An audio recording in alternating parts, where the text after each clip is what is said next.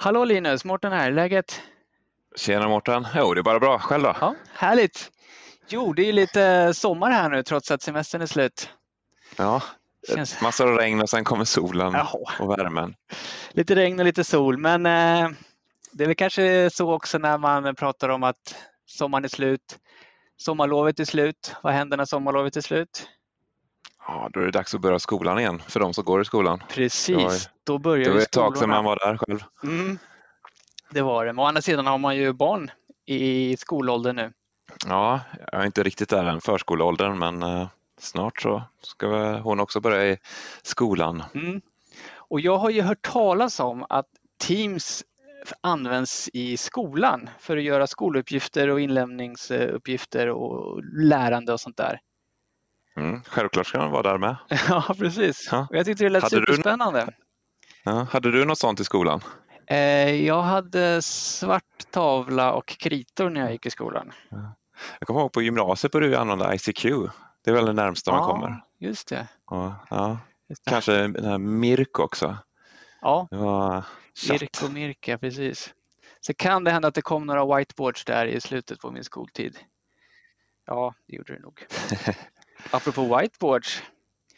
eh, Teamsmöten, få in eh, whiteboarden i mötena. Ja, Den har ju Det- släppts, eller i alla fall är precis på gång att släppas. Ja, de har ju skrivit en del om det och visat hur den ska komma och att den ska rullas ut snart till de här Microsoft Teams Room System. Det blir väldigt intressant. Ja, Jag har sett många som har eh, planerat att köpa kameror eller även de som sitter på en anläggning som planerar att köpa en whiteboard för att kunna testa hemma. Ja. Och, men det häftiga är att det verkar inte vara någon speciell kamera som behövs utan det räcker med en, en USB-kamera och gärna helst en Teams-certifierad USB-kamera. Ja. Så, så Ja, de listade ut tre stycken där som var content camera men jag tror att Mm. man ska kunna använda vad som Ja, helst. kändes Men de här ska vara anpassade. marknads- mer Ja. som en marknadsstämpel där. än- Men eh, eh, jo, så vi, men vi tänkte ju köra en eh, Back to School special av Teams-podden. Skolstart, ja. Ja. Va, har du jobbat någonting med Teams for Education? Nej, det har jag inte.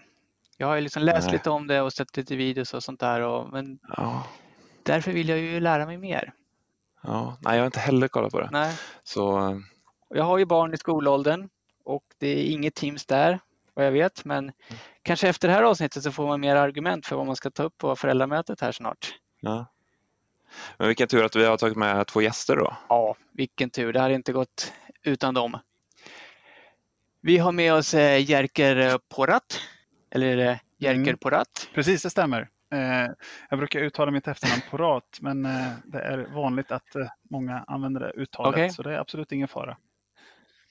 Ja, jag är med. Vad kul att ni frågar om, ni vill, om, om vi ville komma på besök.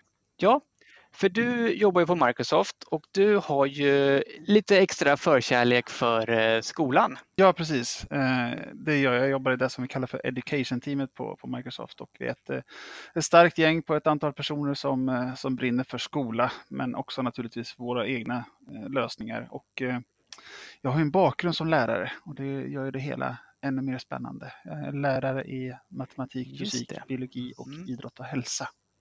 När man jobbar i Education-teamet på Microsoft, hur många är det som tror att du ska utbilda dina kollegor i eh, Teams eller liknande produkter? Det, det, får, det, det händer nog. Eh, ibland så får man visa lite, lite små olika grejer även för kollegiet på, på kontoret. Men, eh, men ofta så är jag ute, Mm. ute i skolor och träffar, träffar mina gamla kollegor och eh, skolledare och eh, huvudmän, eh, IT-avdelningar och så vidare och pratar just om, mycket om Teams just nu förstås.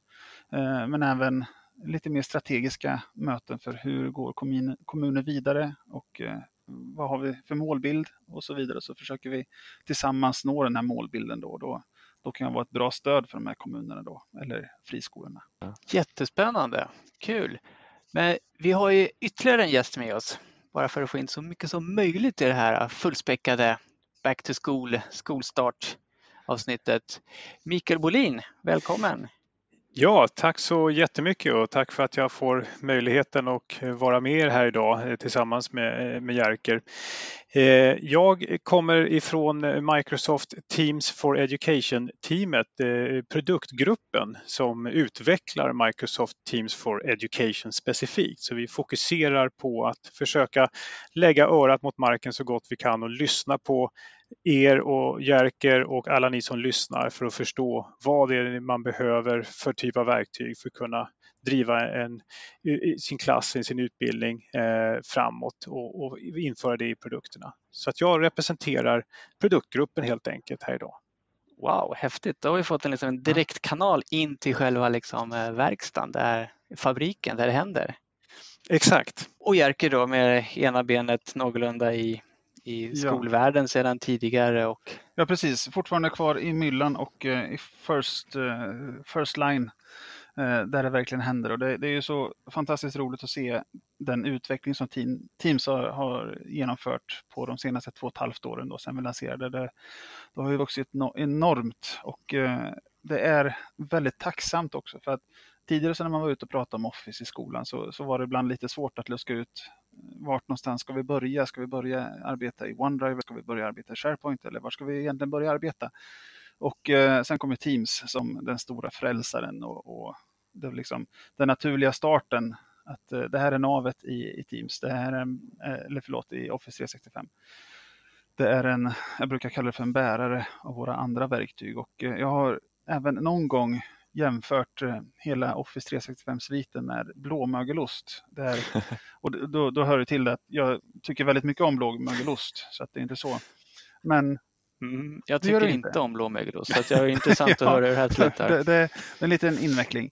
Eh, nej, men blåmögelost består ju dels av ostmassan och sen den här smaksättaren som, som ger den här pikanta smaken. Då. Eh, och eh, i och med att vi jobbar så mycket med olika partners så, så är då våra partners som gör så otroligt bra integrationer mot Teams, det är då blåmöglet som, som ger den här osten en fantastiska smak medan vi då är själva ostmassan som står för själva konsistensen och, och så vidare. Så det är, ja, det är en liten speciell liknelse men eh, ja, det, det är kul att arbeta eh, på Microsoft just nu. Det, mm. Vi har stor framgång med Teams. Eh, och för er som lyssnar som kanske har sett mycket av Teams, hur man använder det på arbetsplatser som inte är skolor. Eh, då ska vi säga det att Teams for Education har ju lite olika extra, extra flikar. Eh, uppgiftsmodulen och någonting som vi kallar för klassanteckningsboken som är lite spännande. Och det är sådana delar som man inte kan se om man inte kör en ja. Education ja, Teams då? De, eh, när vi startar Teams for Education i skolan så får vi välja på fyra olika typer av Teams. Eh, dels ett vanligt Teams, eh, sen har vi ett personalteam Sen har vi något som vi kallar för PLC-team, Professional Learning Community. Och där är då tanken att eh, eh, i skolan så arbetar man ofta i olika ämnesgrupper som kan vara skol eh, eller kommunövergripande ämnesgrupper så att vi får en, en gemensam planering för till exempel matematiken. Och då, då kan man jobba i sådana här Professional Learning Community Teams. Men sen har vi också då klassteamet där vi som lärare bjuder in våra elever till Antingen så gör vi det manuellt eller också låter vi någon, eh, någon extern partner göra det via det som vi kallar för School Data Sync. Alltså att vi tar eh, från elevregistret så tar vi den informationen om vem eleven är, vilken klass den går i, vilka kurser eleven läser, vilken lärare de har och så vidare. Och så vidare. Och sen kommer de här då trilla ner i olika teams. Så det kan vara en automatisk synk som man får in ja, från precis. Eh, elevsystemet. Så att som IT-administratör behöver man inte precis, göra någonting. Utan, utan det... det sköts ur tredje part oftast. Eh, och det innebär också att eh, eh, ibland händer det att det kommer någon ny elev till skolan eller att en elev byter klass av olika orsaker eller lämnar skolan. Och då kan man se till att den här synken då synkar med elevregistret med jämna mellanrum för att få hela tiden den senaste den senaste bilden av vilka elever som finns i skolan och vart de är hemma och så. Men för att få tillgång till de här delarna då behöver ens tenant vara en education tenant, eller hur? Ja, det, det stämmer ju helt eh, rätt Mårten. Man måste vara, ha en, en edu-tenant eller en education tenant som vi kallar det för, där man får tillgång till den här funktionaliteten och den är ju helt enkelt knuten till vilken typ av avtal man har med Microsoft, om man har en education-licens eller, eller inte. Just det, så det är ingenting man bara enkelt testar själv hemma i sin egen tenant. Nej, eh, det finns ju möjligheter förstås eh, alltid att få tillgång till eh, och utvärdera och se hur det ser ut, men du mm. kan inte normalt sett få tillgång till det. Däremot så har vi ju på flera av våra forum idag, bland annat på, till exempel ska jag väl kanske säga Microsoft.com snedstreck Teams University har vi många visuella eh, delar på webbsajten där man kan se exakt hur det ser ut när man tittar på det. Och vi har väldigt mycket material, presentationsmaterial även där. Så man kan gå över kortlänken till aka.ms Teams University så kan man se väldigt mycket visualiseringar, bilder på hur det ser ut. Och man kan även gå till den svenska education.microsoft.com för att få den visuella informationen, men man kan inte prova själv då. Och vi kommer ju lägga upp alla länkar som vi pratar om nu på teamspodden.se. Så att ni som lyssnar och sitter i bilen, ni behöver inte stanna vid kanten och ta fram papper och penna och skriva upp utan det, det kommer, ni kommer hitta det där. Om man som skola inte kör Office 365 idag, eh, är det dyrt att komma igång med de här licenserna? Eller? Ja, om jag minns rätt så är det ganska fördelaktigt licensprogram för skolor. Mm, det är det. Eh, vi har ju någonting som vi kallar för Student Benefit-programmet, vilket innebär att eh, om, man, om man har en licens från oss så kommer eleverna att få samma typ av licens utan, utan kostnad. Och det, alltså min uppfattning är att eh, det är inte någonting som är jättekänt ute hos kommunerna, så det pratar vi jättegärna om naturligtvis. Så, och I och med då att väldigt många kommuner sitter på en 365-licens och eh, hanterar lärarna faktiskt som administrativ personal i kommunen. Vi, vi har ju två stycken roller som pedagog. Dels så är vi ofta en tjänsteperson i en kommun, men sen är vi också pedagog. Så, så där finns det ju det finns saker att arbeta med om man som skola vill gå in i Office 365 och eh, man kan göra det till väldigt låg kostnad. Men sen, eh, jag nämnde tidigare det här med eh, 365 Education och de här uppgiftsmodulerna och jag tycker att det är värt att prata lite grann om OneNote också. Eh, för OneNote har ju en väldigt central del i skolan. Speciellt om man, om man har en 1-1 skola, alltså där både läraren och eleverna har datorer och jobbar med OneNote. Och OneNote har ju också en funktion då som heter klassanteckningsboken. Och den, nu kan inte vi visa bilder här, så jag ska försöka måla upp så, så mycket det bara går. Eh, I en klassanteckningsbok som hör till en OneNote då, så, så kommer ägarna till teamet, det vill säga lärarna, att ha rättigheter att skriva på varenda olika sida som finns i den här OneNoten. Medan eleverna då som agerar medlemmar i ett team, de får något begränsade rättigheter. Men i OneNoten så finns det då ett antal olika typer av avsnitt. Där vi har ett avsnitt som heter samarbetsutrymme, ett avsnitt som heter endast lärare, ett avsnitt som heter innehållsbibliotek och sen har vi elevspecifika avsnitt. Och då är det så här att i samarbetsutrymmet, där kan vi skapa sidor där alla som är inbjudna till den här klassanteckningsboken kan redigera eh, sidorna. Där har vi lärare också möjligheten att stänga av eh, Eh, möjligheten att skriva i, i den här samarbetsytan. Sen har vi det som heter endast lärare. Det är någonting som, ett avsnitt som bara är synligt för oss lärare. Den, eleverna ser inte alls den från sin miljö utan det är bara vi som ser den. Sen kommer vi ner till innehållsbiblioteket och där är jätteintressant. Och då ska vi backa tillbaks bandet lite grann, en 5, 6, 7 år. Eh, under tiden som jag Eh, undervisade då, då, då, undervisade jag med, med stödet av OneNote och jag hade en sån typ av dator där man kan använda en penna på skärmen. Så alla mina lektionsanteckningar och allting vi ritade, alla bilder vi tog och så vidare och så vidare. Det hamnade på den här OneNote-ytan då. Och när jag undervisade så mm, tar exemplet med att vi ska skriva en krånglig ekvation. Eh, då kunde jag stå med mitt ansikte vänt mot eleverna och det gav en väldigt, väldigt bra och tydlig kommunikation mellan mig och eleverna. För ni vet att när, man löser ekvationer på tavlan så står man ofta vänd med ryggen mot eleverna. Och så skriver man den här ekvationen. Eh, och då mm. kanske det finns, säg att vi har en klass på 25 elever och så är det 10 av dem som inte förstår vad det är jag säger och vad jag skriver de hänger inte riktigt med. Då är det ofta så att det kanske bara är fem av dem som visar tydligt att jag förstår inte vad det är du pratar om Jerker. De andra fem, de, de visar inte på något sätt att de inte förstår utan de ja, viker bara ner i huvudet och, och kör, låtsas som att de förstår. Men när jag står med ansiktet vänt mot eleverna, då ser jag på en gång när det är någon elev som inte förstår. Man behöver inte räcka upp Mm. handen och vifta och säga att jag förstår inte, utan det ser jag på en gång. Så då kan jag ta det här lösningsalternativen från flera olika håll, attackera problemet på ett annat sätt, försöka få med alla tills jag liksom ser i ögonen på varje elev att nu är jag med. Och Den här typen av anteckningar som jag gör under lektionen, det är det som hamnar i avsnittet som heter innehållsbibliotek. Så då kan vi fylla det här innehållsbiblioteket med lektionsanteckningar.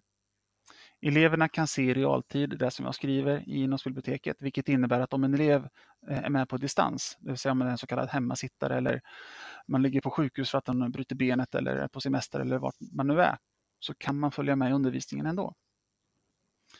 Sen har vi då de här som jag kallar för elevspecifika avsnitten.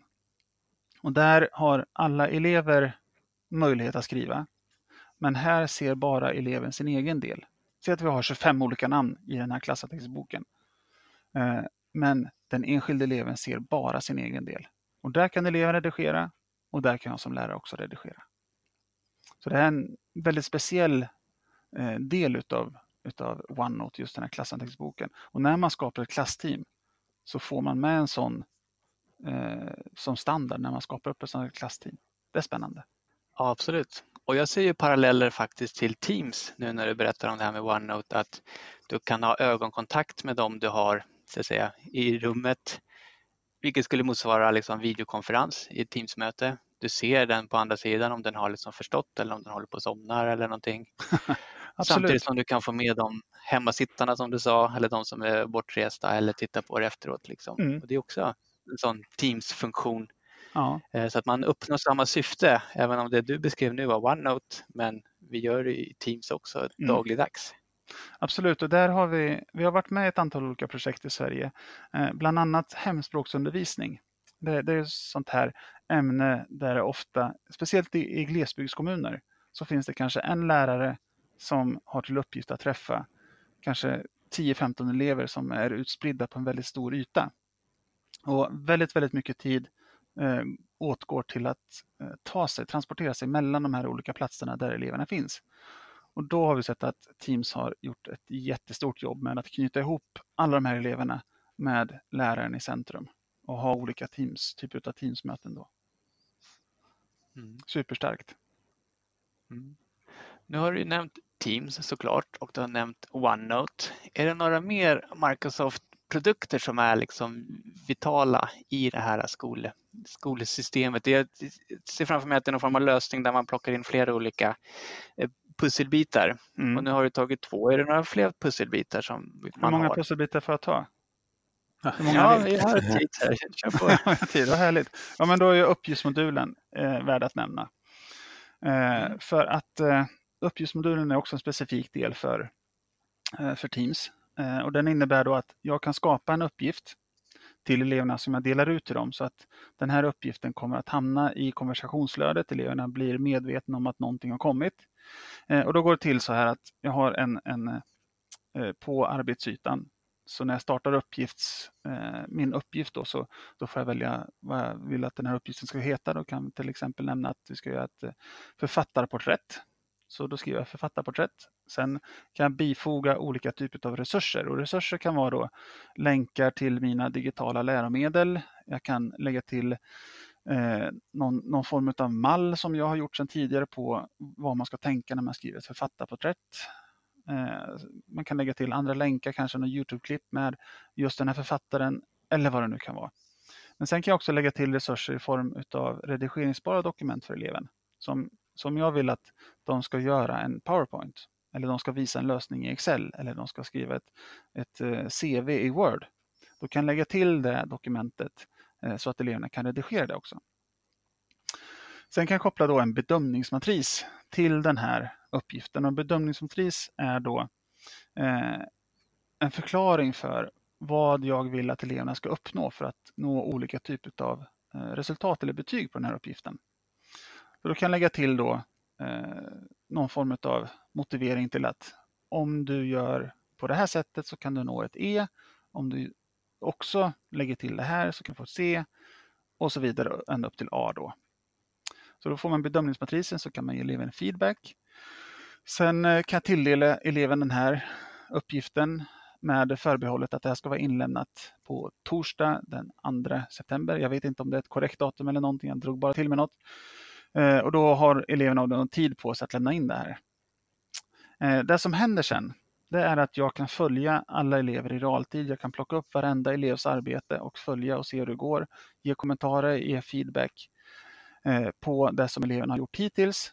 Och det, det snygga är sen att allting som eleverna har gjort kommer att samlas i en elevmapp i SharePoint, en SharePoint-yta då, som jag sen kan då exportera och ge till eleven när eleven slutar årskurs 9 eller vad den nu slutar. Knyta en eh, fin rosett runt det här USB-minnet och säga varsågod, lycka till med livet, det här är dina resultat från grundskolan. Eh, jätte, jättesnyggt lösning. Toppen. Mm. Och GDPR och sånt där såklart. Då. GDPR och sånt där såklart. Absolut. Ja, självklart. Stöter ni på några diskussioner om just GDPR och spara grejer i molnet och sådär när ni är ute och pratar med skolor? Hela tiden. Eh, och det, det, tycker jag är bra för att hela GDPR-balansen har lyfts upp för att vi ska bli mer medvetna om, om säkerheten på internet. För jag tror att, eh, det är min personliga åsikt nu då, Eh, jag tror att alla måste bli mer medvetna om, om säkerheten på, på internet generellt och GDPR ser liksom som en, som en väckarklocka för väldigt många. Att även om det här kan tyckas vara väldigt banala uppgifter som jag skriver in här eh, på den här molntjänsten så, så, så, ger det en ger det en större förståelse för att oavsett vilken data det är jag rör mig med just nu så ska vi ändå eh, vara ha en tanke bakom vara. Försiktig, Man ska vara försiktig. Så nej, men jag, GDPR-frågorna som kommer har vi bra svar på. Så det är inget problem. Jag tycker väldigt mycket mm. om den debatten, den diskussionen som förs. Precis. Det, det vi har stött på när vi har varit ute och eh, gjort framförallt kommunimplementationer av Teams, att i Sverige och Norden är det ju vanligt att kommuner också har skolor. Mm. Eh, så ser det inte ut i andra länder, i USA till exempel. Men, men där finns det ju en utmaning att inte få, så att säga, de som inte ska ha kontakt med eleverna ska inte kunna kontakta eleverna eh, i form av liksom icke, att icke-pedagogerna ska inte kunna mm. kontakta elever. Mm. Och, och där, där, finns det lite utmaningar men det, det går ju att lösa eh, på lite olika sätt. Sen kanske det kommer bättre lösningar för det framöver. Jag vet inte Mikael om du har något inspel där? Ja, eh, det är ju som du säger, det, det, ju, det, finns ju lite utmaningar där och vi har ju en del tillämpningar idag i, i den versionen av Teams som vi inte har för skola idag. Eh, som vi jobbar på tillsammans eh, med eh, skolorna och, och er partners och, och, internt att försöka se hur vi kan eh, möjliggöra att de blir tillgängliga även för, för skola. Eh, så det är en del och det finns ju, eh, som vi alltid brukar kalla för workarounds, för, för att hitta lösningar så man kommer nära den sanningen. Mm. Eh, men det här är också en viktig del av Teams och det är en viktig del av det som, som jag gör här lokalt i Norden. Det är att lyssna på de här behoven och att prata med de partners vi har. För vi tror inte att vi kommer ha all funktionalitet alla behöver i Teams. Eh, och precis som Jerker nämnde i början så ser vi med Teams som navet i, i det här. Och tittar man runt det navet så för att det ska fungera som ett nav så behöver vi också vara väldigt öppna utåt och kunna ta in information utifrån och låta Eh, applikationer utifrån också kunna hämta saker inifrån Teams. Så jag lägger väldigt mycket tid på just att arbeta med partners för att få fram så mycket bra kombinationer av lösningar som kan integrera i Teams och som man kan nå via Teams. Eh, vi har ju inte så mycket på grundskolan idag, men på till exempel på universiteten så har vi mycket, eh, mycket fokus på plagiat. Att man när man lämna, gör sina eh, uppgifter och lämnar in sina uppgifter, att man inte ska kopiera för mycket från andra källor till exempel. Och då har vi en svensk partner som faktiskt har levererat in en lösning i Teams. Så att när en elev lämnar in en arbetsuppgift så kontrolleras den automatiskt så får man se hur mycket av det material som lämnas in som faktiskt är eh, kopierat rakt av ifrån en annan källa. Eh, och det här är ett enormt värde eh, tycker jag att vi kan få den här möjligheten att integrera med de läroplattformar som finns där ute, att andra kan integrera med oss eh, och att vi kan få det här samspelet mellan oss. Och det, det tror jag är en, ett måste för att vi ska kunna få den flexibiliteten som vi faktiskt behöver ha i en sån här typ av produkt. Ja, absolut. Jag håller med dig helt och fullt där, just det här samspelet. Att ni, alltså Microsoft aspirerar inte på att bli världsdominerande med allt som har med, med skolan att göra utan det är precis som i, i call och contact center-lösningarna att eh, man, ni letar partners som gör det de är bra på, ser till att det integrerar bra in i Teams så att liksom båda vinner och better together pratar man ju mycket mm. om nu för tiden. Jerker, var det några fler pusselbitar du vill ta upp för att få helheten i Teams i skolan? Jo, men att, eh, att jobba i skola för en lärare innebär att man jobbar väldigt mycket administrativt också. Och eh, det, det, är väldigt mycket tid som åtgår till just det. Och det tar ju då tid från, från att undervisa och det är undervisning som vi är som absolut bäst på. Eh, och då ser vi det att om vi kan få in så många olika lösningar in i Teams så att man kan göra när och frånvarokontroll. Eh, vi kan ha terminsvisa utvecklingssamtal med eleven. Vi kan eh, bedöma eleven, vi kan betygsätta eleven. Eh, vi kan använda olika typer av verktyg direkt in i Teamsytan. När vi då samlar alla de här olika verktygen som vi vill använda i Teams så sparar vi tid. För att man slipper hoppa runt bland en massa olika webbsidor och andra verktyg för att hitta där man behöver just för tillfället. Och då, då ser vi också att har man gjort ett klassteam som kanske i början av årskurs 7 när vi sen, nu, nu är vi på det tredje året som Teams används. Då har de här klassteamen pimpats, ska vi kalla det, utav läraren. Så att läraren har lagt in en mängd olika typer av resurser. Det kan vara alltifrån läromedel, det kan vara alltifrån videosar. Man liksom bygger upp sitt klassrum virtuellt i ett team med de här olika lösningarna som jag nämnde då. Plus en mängd andra olika lösningar. Finns det något tänk att eh, få in eh, föräldrar i det där också? Att man som förälder eh, utifrån kan ta del av vissa utvalda saker i Teams? Ja, eh, bra fråga. Eh, jag tror mer policies kanske som styr och ställer det här. Men det, vi skulle ju förstås kunna ha möjligheten att ha ett team som inkluderar föräldrar. Jag tror inte att man eh, rent eh, praktiskt vill ha lärarna i samma team eh, som eh, eleverna och klassen.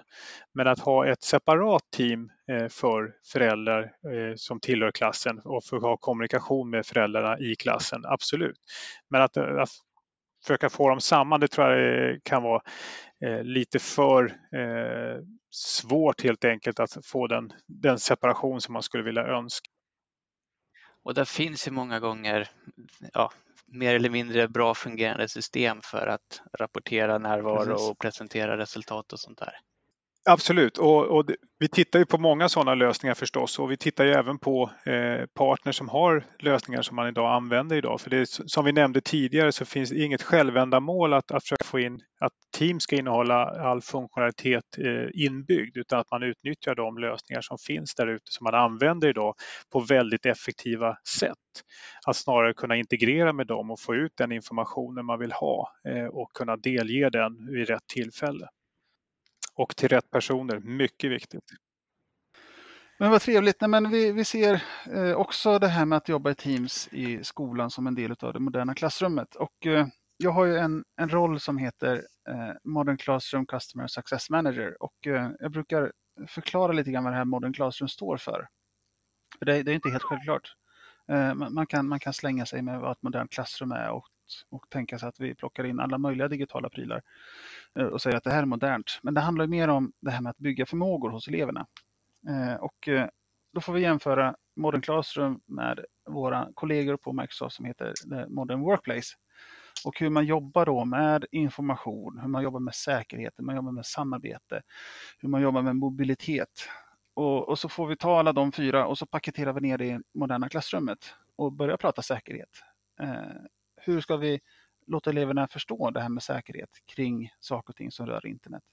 Information, hur ska vi göra så att eleverna eh, inte är fast i den här fällan att de är kunskapskonsumenter, alltså att, att de att de konsumerar kunskap som de antingen får från en bok eller från oss lärare.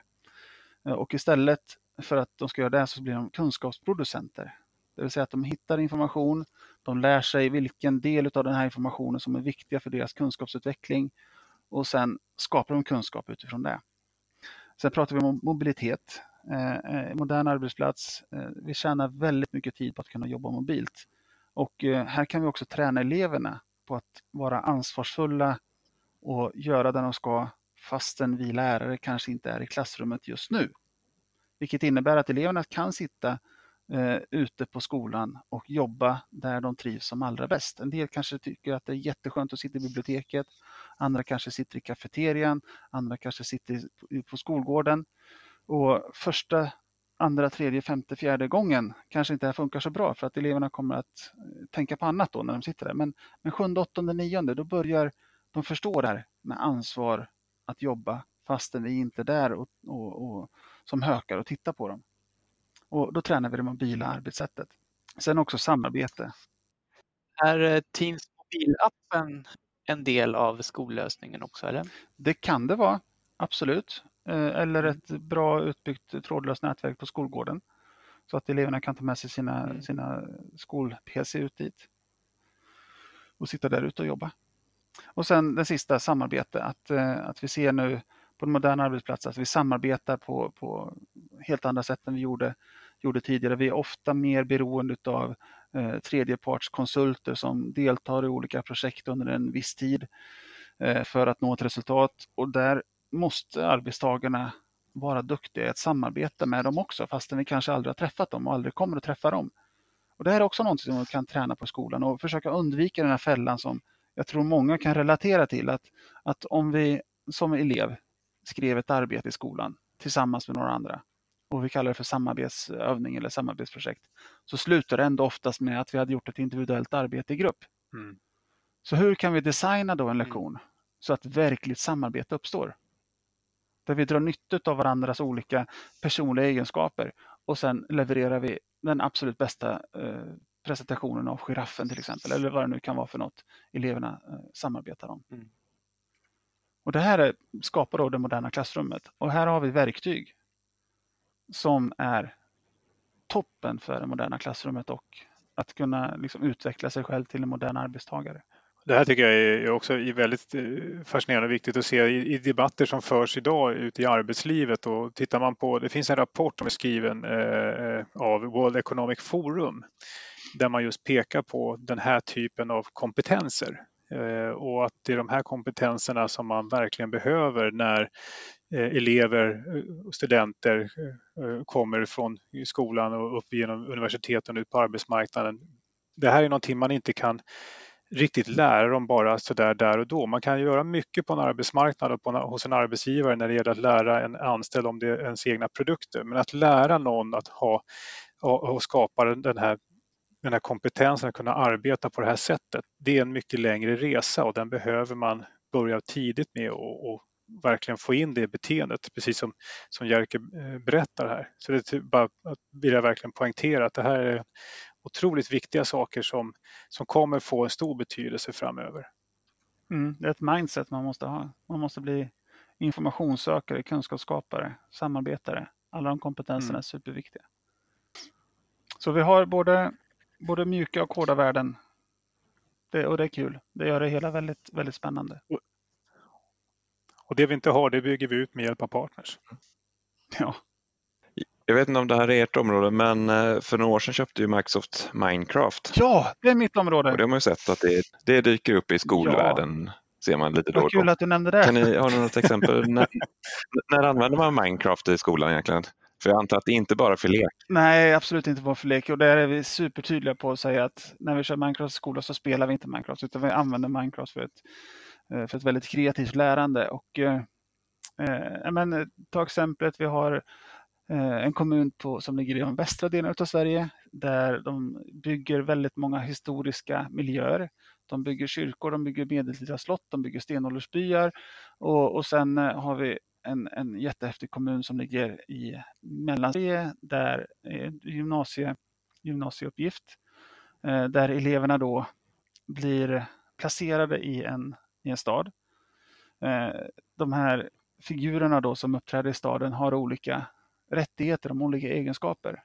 Och sen får man då eh, utveckla, utveckla den här staden. Och väldigt, väldigt snart så insåg eleverna att men för tusan, vi måste ha olika regler för det här funkar ju inte. Så började de sätta upp lite olika regler för hur de skulle använda det här spelet.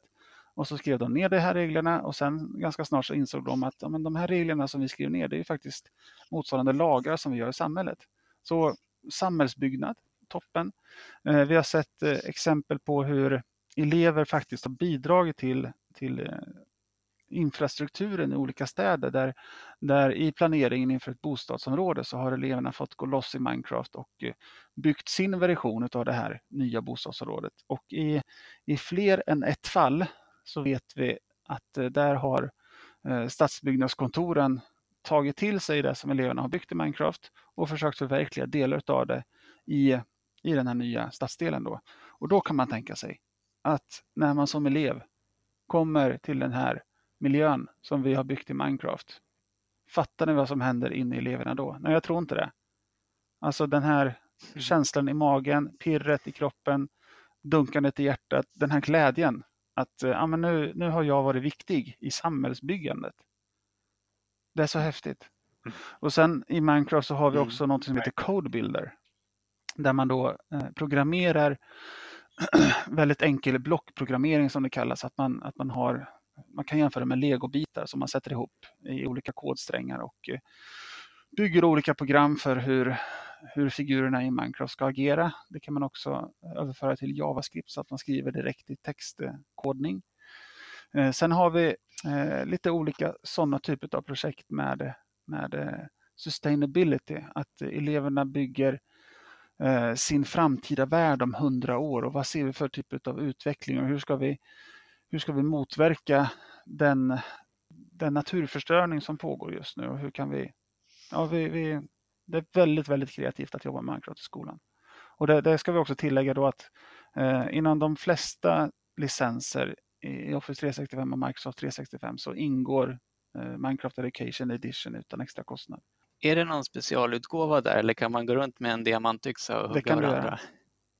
Det är, det är snarare så att ja, men det, eh, det, det, finns också en, ett tilläggsprogram som heter Classroom Mode som läraren kan, har på sin dator. Då, så man kan ha lite, lite, lite, lägga sin hand eh, på den och eh, styra eleverna hur, hur de kan agera. Men, men i det stora hela så är det precis vanliga Minecraft men det är lite extra grejer till Minecraft Education Edition helt enkelt. Kanske därför de insåg ganska snabbt att de måste sätta upp regler. Mm. Ja, förmodligen.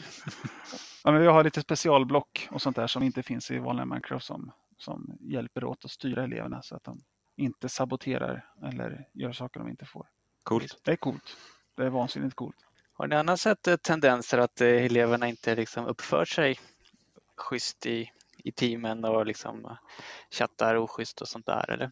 Ja, det har vi gjort. Eh, som du själv nämnde, vi hade no någonting i en större kommun här tidigare där vi började fundera på hur vi kan hur vi kan åtgärda chatthistoriken. Men, men det, är också, det är också ett sätt eh, att få in de här problemen i skolan. Eh, ofta så kommer eleverna att finna andra sätt att, att eh, vara oschyssta mot varandra och då vet inte vi om det. Men om det mot förmodan skulle hända då i Teams så är det faktiskt ett argument för oss att lyfta in det och prata om etik i skolan, hur man ska bete sig mot varandra och eh, generellt då förstås också. Eh, men sen har vi då, och det, det är mycket bättre på att förklara eh, möjligheter att, att eh, stänga av och, och hindra eleverna från att kommunicera på Den här sätt. typen av möjligheter har vi ju i grundskolan förstås och den tillför ju väldigt mycket värden. Men när vi går uppåt i högre utbildning, som när vi tittar på gymnasium delvis men framförallt på universiteten, när vi, när vi är myndiga och vi har ett ännu större eget ansvar. Så även där så har man ju, går ju resonemanget på de universiteten vi har eh, att faktiskt låta eh, studenterna, eh, för även här kan man göra tabbar när det gäller eh, dels språk förstås, men sen också språkval och, och hur man namnger saker och så vidare. Men att man tillåter det i stor utsträckning för att istället fånga upp det. Man ser det som det här är sista stället du kan råka av misstag bete dig på ett sätt som inte skulle vara accepterat ute i, i arbetslivet och fånga upp det och diskutera det istället och, och förklara varför. Eh, och, och, gå tillbaka, precis som Jerka var inne på, gå, gå tillbaka och, och, repetera etiken bakom och, och inte bara förbjuda.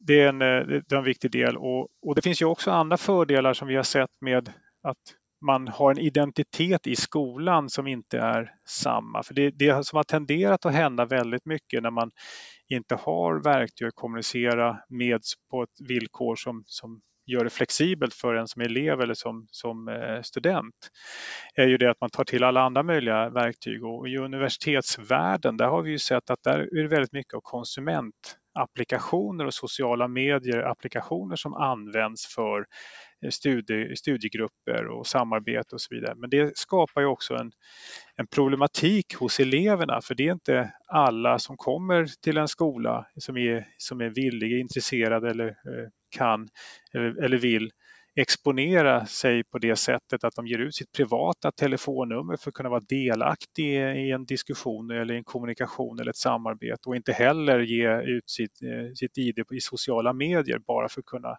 eh, gå i skolan. Så att det är också en fördel just att ha den här identiteten säkrad på ett sätt som gör att man kan hålla isär det som faktiskt är ens studier och, och, och vad som är ens privatliv. För ett år sedan inför eh, riksdagsvalet så reagerade jag på en valaffisch som löd chatta eller fatta? frågetecken från eh, Liberalerna. Och jag då som Teams-anhängare såg en, att de målade upp en konflikt mellan att chatta i skolan och att eh, ta till sig den kunskapen som, som då levereras i skolan. Så jag var tvungen att höra av mig till till Liberalerna och fick svar då från deras parti och riksdagskansli att eh, nej, så var det inte alls, utan de, de var för moderna arbetsverktyg i skolan, men de var emot det ja, som vi pratade om här nyss, då, liksom konsumentapparna där, att man, man chattar och, och fokuserar på de sociala medierna istället för att ta till sig undervisningen. Ja, eh, jag, jag, förstår Liberalerna för att eh, eh på något sätt så Eh, eleverna, när de får tillgång till digitala verktyg, så kommer de ibland att göra saker som, eh, som de inte ska göra i klassrummet. Men då kan vi vända på det och säga att de eleverna som inte gjorde det vi skulle i klassrummet utan digitala hjälpmedel, vad gör vi åt dem? Eh, så, så, den problematiken kommer alltid att finnas. Eleverna kommer inte alltid att göra det som vi vill att de ska göra i klassrummet. Så att eh, summan är summan av elever som inte gör det de ska är nog konstant där. Däremot så kan, kommer vi att kunna Ja, eh, däremot så kommer vi kunna nå de elever som kanske inte tycker det är så speciellt trevligt att prata i klassrummet. De som är lite blyga. Det händer ofta att de kliver fram och visar en helt annan förmåga när vi arbetar digitalt. Det där kan jag relatera till personligen ja. direkt. Alltså. Berätta det är mycket lättare att, att eh, göra sig hörd, eh, att komma med mm. genomtänkta och smarta inlägg om mm. man liksom får sitta en liten stund och, och mm. tänka igenom vad man vill få fram. Än att man ska vara där som är med i diskussionerna och direkt räcker upp handen och, och säger det som ja, man kanske inte ens har hunnit tänka tanken än utan man bara säger någonting och så ja, blir det så. Och de som är inte är det, de blir helt enkelt tysta och inte bidrar alls, mm. även om de sitter med jättemycket bra idéer som de inte får ut. Absolut, får så är det. Om man vänder på det då, finns det några elever som skulle kunna missgynnas av det här arbetssättet? Nej, farhågan har ju funnits att eleven med behov av särskilt stöd kanske, eh, kanske tycker att det är jobbigt att läsa eh, läsa liksom chattar och sådana typer av inlägg. Och, och att det blir mer text att, eh, att bearbeta? Ja, och det, det behöver inte bli mer text. Eh, däremot så, så finns det jättefina eh, kompensatoriska verktyg i, i både Teams och hela Office-paketet. Det som vi kallar för Immersive Reader eller Learning Tools. Och det är ett läsverktyg. Finns det något bra svenskt namn på det? Nej, vi har diskuterat det. Om vi ska sätta något svenskt namn på det och inte, inte kommit fram till något svenskt namn. Däremot så har ju Learning Tools blivit ett begrepp hos de som använder 365 så att vi har nog beslutat att hänga kvar vid Learning Tools. Faktiskt. För att det, Ja. det är ett begrepp Men som- beskriv gärna det här med Emergency Reader. Ja. Det är inte alla som har kommit i kontakt Nej. med det. Eh, och det, det tror jag faktiskt de flesta kan testa för att i eh, konversationsytan eh, långt bort till höger så finns det tre prickar som vi kallar för ellipsen konstigt nog. Eh, och där finns det då, klickar man på den så ser man det här som det står Immersive Reader. Och det som händer då, det här, det här, är- det här är spännande och fränt. Eh, då tar, Håll ja, i håll i er, nu åker vi. Eh, Då kommer texten som, som finns där tillgänglig att eh, presenteras i ett mer lättläst format. Det blir en, en homogen bakgrund, bara texten. Du kan laborera lite grann med storleken på texten, med teckensnittet, med bakgrundsfärgen. Eh, du kan få markerat substantiv, verb, adjektiv och adverb. Du kan avstava orden.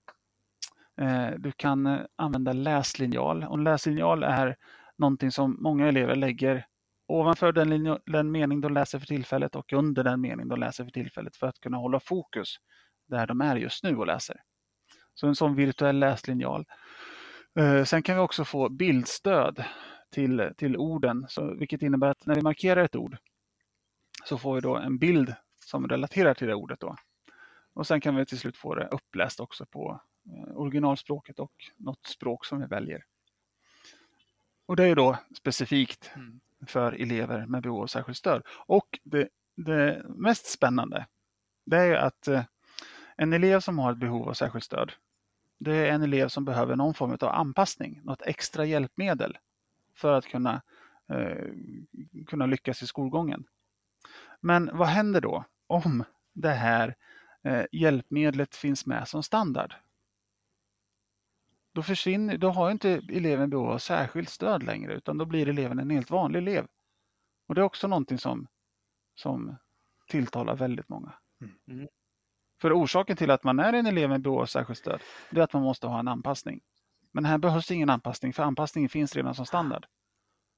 Och vips så har inte eleven det här stödbehovet längre.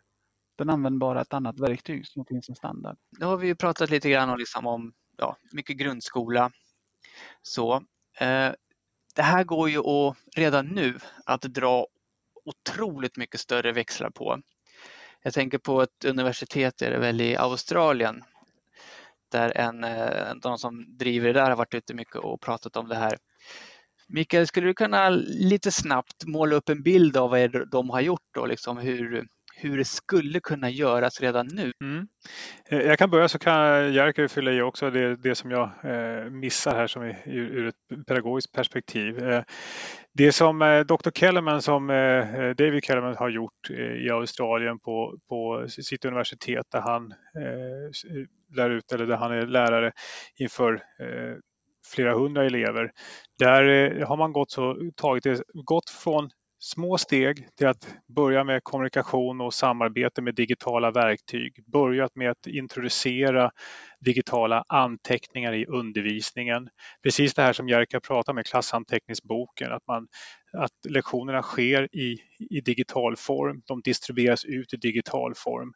Och så har man tagit det här vidare steg för steg successivt som teknologin har blivit tillgänglig. Och också som Jerker nämnde tidigare så har man också börjat titta på det här med bottar, att kunna ha eh, artificiell intelligens eh, som kan hjälpa en att svara på olika saker som, som man undrar över. Och de har tagit det så långt så att när en elev ställer en fråga i en kanal i Teams där, man, där vi har de här olika diskussionerna beroende på ämne och, och klass och, och så vidare så kan den här botten identifiera frågan. Och den kan också identifiera om det finns en, ett fotografi med som kanske är en bild av, av eh, uppgiften. Och på så sätt koppla ihop frågan med olika svar som den har redan byggt upp i sin databas eh, med hjälp av Eh, machine learning och med hjälp av eh, lärarens eh, handpåläggning och så vidare för att göra det så bra som möjligt. Som i slutändan så blir det här att botten kan hjälpa till att dels att koppla ihop eleven som ställer frågan med sin lärare eller eleven med andra elever men också få hjälp, få lite tips och, lite tips och idéer kring hur uppgiften kan lösas direkt utav den här botten det här är förstås väldigt långt fram, och, och, och, eller jag ska inte säga att det här är väldigt långt fram, för det finns ju faktiskt idag. Men det här är en person som har jobbat med det här med digitala verktyg ur det pedagogiska perspektivet under många år, som har successivt tagit de här stegen och nu kommit till ett läge där man faktiskt har ser den effekten de får ut av den digitala tekniken när han använder den i klassrummet på det här sättet. Och det var väl i princip att man skickar in alltså, uppgifter, tentor som sen i princip rättades automatiskt och där det var osäkert så skickades det ut till en pedagog såklart. Ja exakt, det finns ju många olika delar av vad, vad man har gjort här förstås och, och eh, man jobbar ju vidare på och, och, utvecklar möjligheterna ännu mer runt omkring så att det finns ju många olika tillämpningar nu på universitetet men där man använder den artificiella intelligensen, bottarna, med de digitala verktygen. För det, det är ju bara eh, en del av det man har gjort. Och andra saker som Jerker också var inne på tidigare med, med eh, Immersive Reader och Learning Tools där man får saker upplästa i att man i, i de här lektionerna så får man automatiskt eh, systemen eftersom man talar engelska idag att automatiskt ge dem eh, undertexter. Så att man kan läsa på engelska det som sägs i lektionen. Och det här då sen i efterhand när lektionen är över indexeras. Så då kan du alltså söka på någonting som sades under undervisningen och kopplar du ihop det här sen med de här bottarna som, som förstår att du ställer en fråga, så ställer du en fråga om en uppgift i, i matematik till exempel, då kan botten direkt känna igen att den här frågan diskuterades i den här lektionen, ungefär tre och en halv minut in. Och då hänvisar dig till att lyssna på det avsnittet till exempel. Jag vet att eh, många sådana här eh, friskolor i Sverige eh, som, eh, som IT-gymnasiet och med mera, de, de laborerar ju väldigt mycket i i Azure och bygger sådana här bottar. Eh, det, eh, naturligtvis så kommer AI att vara en stor arbetsgivare eh, både nu och, och framåt också. Så det, det, är en utveckling som vi tycker är väldigt spännande och intressant. vi har en mm. tidigare gäst här som jag såg att hon twittrar lite. Hon håller på att jobba med ett universitet och de har ett problem med att den här assignment-tabben som finns i Teams, den vill inte de ha där. Finns det möjlighet att ta bort den? Nej, idag kan vi inte ta bort assignment-tabben. Eh, den, utan den ligger med där. I, i, i um, Teams for Education så ligger den där som standard. Och det de gjorde då var att gå vidare till den här user voice och eh, skrev in där och där fanns det redan där. Men jag antar att eh, er education-del är lika aktiva som hela teams-teamet och eh, monitorerar user voicen där och går in och kollar alla förslag som kommer in. Ja, och det är en jättebra eh, poäng att alla idéer, kommentarer, eh, vad det än må vara gällande Teams och Teams for Education och Microsoft-produkter överlag, att man sök på produktens namn och user voice och gå in och, och tala om vad man tycker och tänker och där står det ju också vad alla andra redan har sagt och, och, vad de tycker och vilka förändringar de skulle vilja se. Och där kan man ju så att säga metoo eller addera sin, sin egen röst och säga jag håller med, jag vill också det här.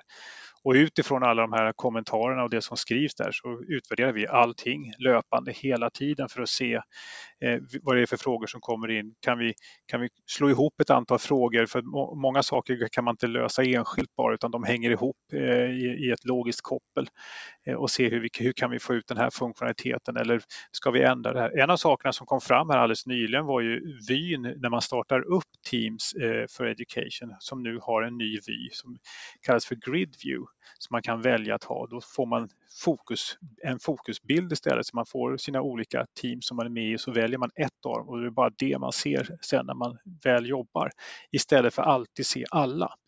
Så det finns en, en hel del eh, väldigt bra feedback som kommer in löpande som vi alltid tar hänsyn till. Så gå in på user voice, absolut. Om vi ska börja runda av lite här, eh, om man jobbar som eh, lärare eller administrativ personal och vill komma igång med det här, finns det några bra forum ni kan rekommendera eller vad ska man följa? Jag har ju varit inne på en fortbildningssida som vi har som heter education.microsoft.com eh, där vi har väldigt många olika typer av instruktionsfilmer för våra verktyg. Där man också tar olika fortbildningspoäng och så vidare. Vi håller dock på att bygga en ny sida som man kan nå och titta på via preview.education.microsoft.com. Och den, den kommer då inom kort att eh, flyttas över till den nya sidan. Då. Och så kommer webbadressen att vara densamma. Eh, det är väl den främsta sidan eh, från, från vår officiella håll. Jobbar man i skola så är det mycket värt att gå in på. Det finns en Facebook-sida som inte vi står bakom men som är väldigt populär. Som är då Office 365 i skolan på fejan. Som sagt var, det är inte vi som står bakom den men, men den är bra. Väldigt, väldigt, väldigt fritt och öppet utrymme och väldigt många som Eh, villiga att bidra med svar där inne. Väldigt trevlig sida faktiskt. Och så har du även på Facebook Teams for Education Sweden som är mm. specifikt Teams-inriktad. Men också community-drivet.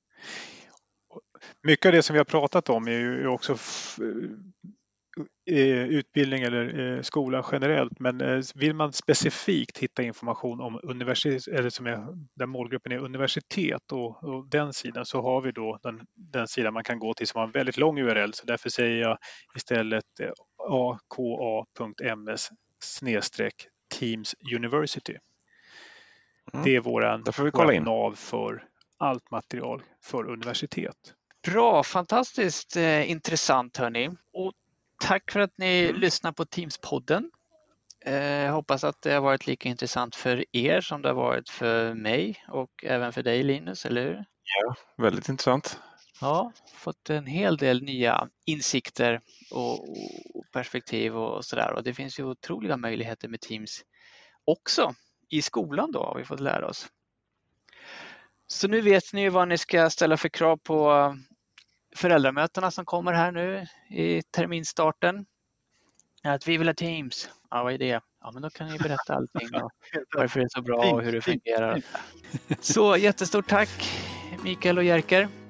Tack själva. Tack så jättemycket för att ni tog, tog emot oss här. Och med det säger vi väl eh, tack för den här gången. Och... Ja, tack så mycket. Ha det bra.